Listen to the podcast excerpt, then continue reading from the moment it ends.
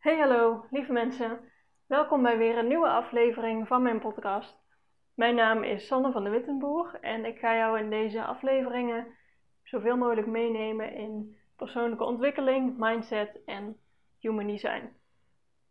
Vandaag wil ik je vertellen over een onderwerp, namelijk hoe belangrijk het is dat jij zelf de belangrijkste persoon bent in je leven.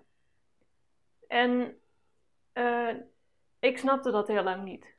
Ik uh, vond het ook lastig om over na te denken van uh, dat is egoïstisch of hoe, hoe, hoe, doe je dat überhaupt en hoe ga je dan met anderen om.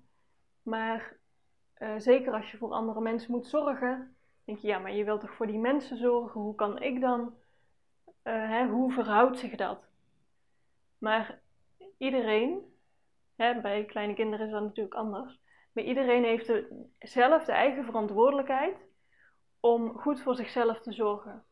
En hoe beter jij voor jezelf zorgt, hoe beter jij je voelt, hoe beter jij weer voor anderen kan zorgen. Nou, ik zou hiermee de podcast kunnen afsluiten. Doe ik niet. Ik zal het nog een beetje verder, uh, verder toelichten. Maar dat is eigenlijk wel in de kern wat ik bedoel. Ik hoop dat je uh, ja, ik hoop dat je dat kan volgen.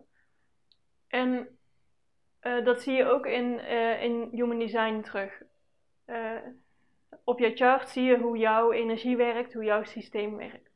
En daarin zie je ook wat jouw autoriteit is. En wat dus de, voor jouzelf de doorslaggevende factor is om je keuzes te maken.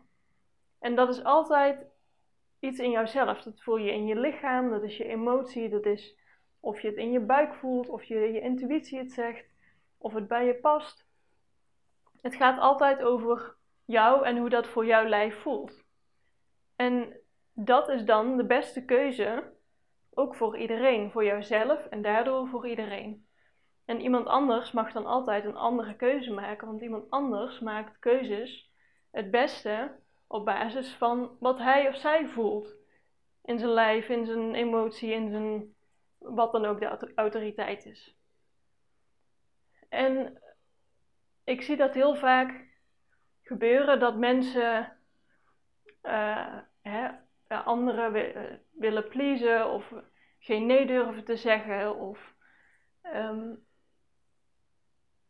ja, ik weet niet of het een heel warrig verhaal wordt, want ik heb heel veel dingen tegelijk in mijn hoofd. Maar om het enigszins te structureren, waarom het goed is om nee te zeggen. En um,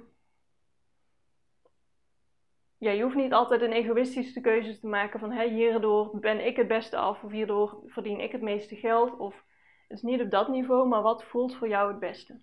Stel dat je het hebt over um, iemand vraagt jou om uh, bijvoorbeeld mee te gaan eten uh, of wat gaan drinken, maakt niet uit. Gewoon een voorbeeld.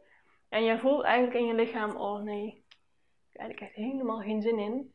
Maar je durft gewoon geen nee te zeggen tegen die persoon, want hè, je hebt die al lang niet gezien. Of je, die, wilde, die persoon heeft er heel veel zin in, of die heeft zich daarop, weet ik het. Die zou, jij denkt dat die persoon het heel graag zou willen. En daarom denk je, nou ja, weet je, ik ga maar gewoon mee, hè, dan is die persoon tevreden, hoef ik geen nee te verkopen. Um, en het allerergste, wat sommige mensen dan doen, is dan dat ze op het allerlaatste moment afzeggen van oh nee, ik ben ziek of ik ben moe of ik kan niet. En dat is echt nog erger dan dat jij gewoon in eerste instantie duidelijk bent, gewoon je grens aangeeft. Nee, hier heb ik niet zoveel zin in. Of kom me niet uit, of nee, zie ik niet zo zitten. Um, ik vind dat zelf ook veel fijner als als je gewoon duidelijk bent in je grenzen. Daar kun je veel meer mee. En dat, sommige mensen zijn zo bang om, om nee te verkopen. Maar als je nee tegen iemand anders zegt, is dat een ja voor jezelf. En in sommige situaties is het lastig. Ik heb, eh, ik heb zelf geen kinderen, maar mensen om me heen die kinderen hebben, die vinden het lastig om voor zichzelf te zorgen als ze er eigenlijk voor hun kinderen willen zijn. Um, en dat is natuurlijk logisch, dat snap ik heel goed.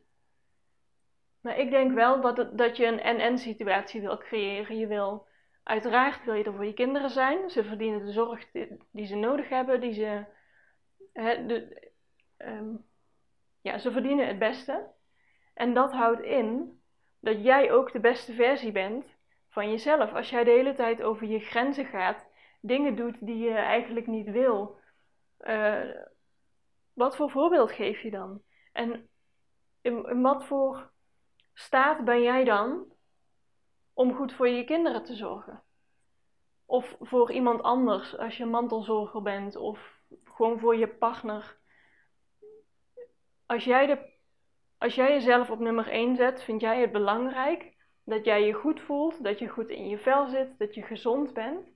En op die manier kun jij het beste geven aan anderen. Want als jij niet goed in je vel zit, uh, niet gezond bent, uh, weet ik het, chagrijnig, sekkeneurig, wat dan ook, dan hebben juist eigenlijk anderen daar minder aan. En als je het op die manier bekijkt, is het juist egoïstisch om niet voor jezelf te kiezen. En natuurlijk, hè, ik hoop dat je het verschil begrijpt tussen goed voor jezelf zorgen en altijd alleen maar ikke, ikke, ikke.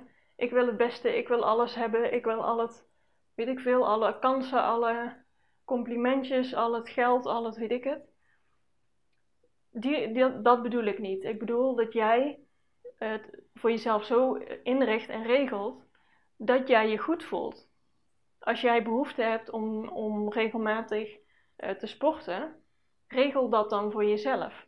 Als jij het goed doet op uh, elke dag of één keer in de week een massage of ik weet niet wat er voor jou werkt, maar regel dat voor jezelf. Dat jij je goed voelt. Als jij weet op deze dingen doe ik het goed, doe dat dan ook, want dan kun jij er veel beter voor anderen zijn. En op die manier wil jij jezelf op nummer 1 zetten.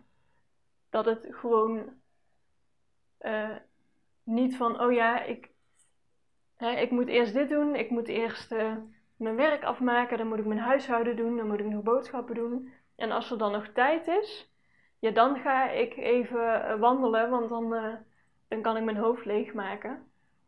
Ja, en dan is heel die dag voorbij en dan heb jij geen tijd om te wandelen. Ja, nou ja, dan dat komt wel een andere keer. En dat is zo jammer, want probeer dat dan, als jij weet wat jij nodig hebt om goed te functioneren, probeer het dan in je, gewoon in jouw dag te integreren. Ik doe het heel goed op een stukje wandelen. Dus ik ga lopen naar de supermarkt, want hè, dat is ook op loopafstand. Ik, sneller is om naar, op de fiets te gaan, maar ik vind het fijn om even gewoon uh, alleen te lopen. Dus ik ga lopen naar de supermarkt. En op die manier combineer ik wat ik nodig heb met wat ik moet doen. Dus ja, jezelf op nummer 1 zetten gaat eigenlijk, uh, wat mij betreft, over weet wat jij nodig hebt en zorg daarvoor. Regel dat. Ja, ik ben even aan het denken of ik er nog iets over wil zeggen. Maar ik denk dat uh, dat, dat de kern is. Ik hoop dat je me vrij kan uh, uh, volgen. En ik hoop ook dat je er wat aan hebt. Laat me weten, stuur me een berichtje als je er wat van hebt geleerd. Ik ben heel benieuwd wat jij eruit uit hebt gehaald. En um, dan spreek ik je de volgende keer weer.